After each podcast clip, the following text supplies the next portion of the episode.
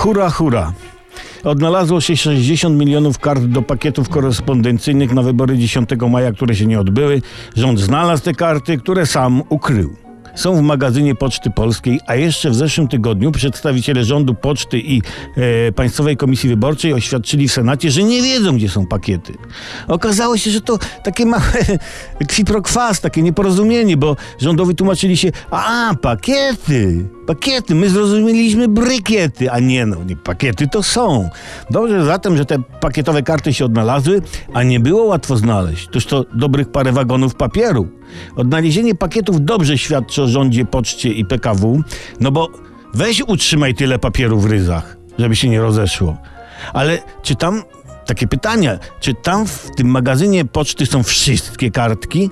Bo takie ploty są. Podobno ktoś coś palił w nocy na wysypisku, ale to niesprawdzone wiadomości. Z tym, że ktoś z Ministerstwa Spraw Wewnętrznych to, to pytał Stopczyka, co wy tam Stopczyk palicie?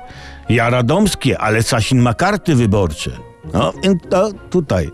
No ale nic, karty się znalazły i teraz co z nimi zrobić? Bo w sumie to szkoda, że ministra Zielińskiego nie ma, bo policjanci już by dawno pocięli na konfetti. A może ogłoszenie dać na OLX-a, czy tam na inny portal? Tanie tapetowanie z własnego materiału, całodobowo, firma Mateusz M, Jacek S, End Aktywa Państwowe, spółka z bardzo ograniczoną odpowiedzialnością, albo o, idźcie, do Chin wysłać, do Chin. Oni nam wybrakowane maseczki, my im wybrakowane karty do głosowania. W ramach oczywiście pomocy we wdrażaniu jasnych procedur demokratycznych.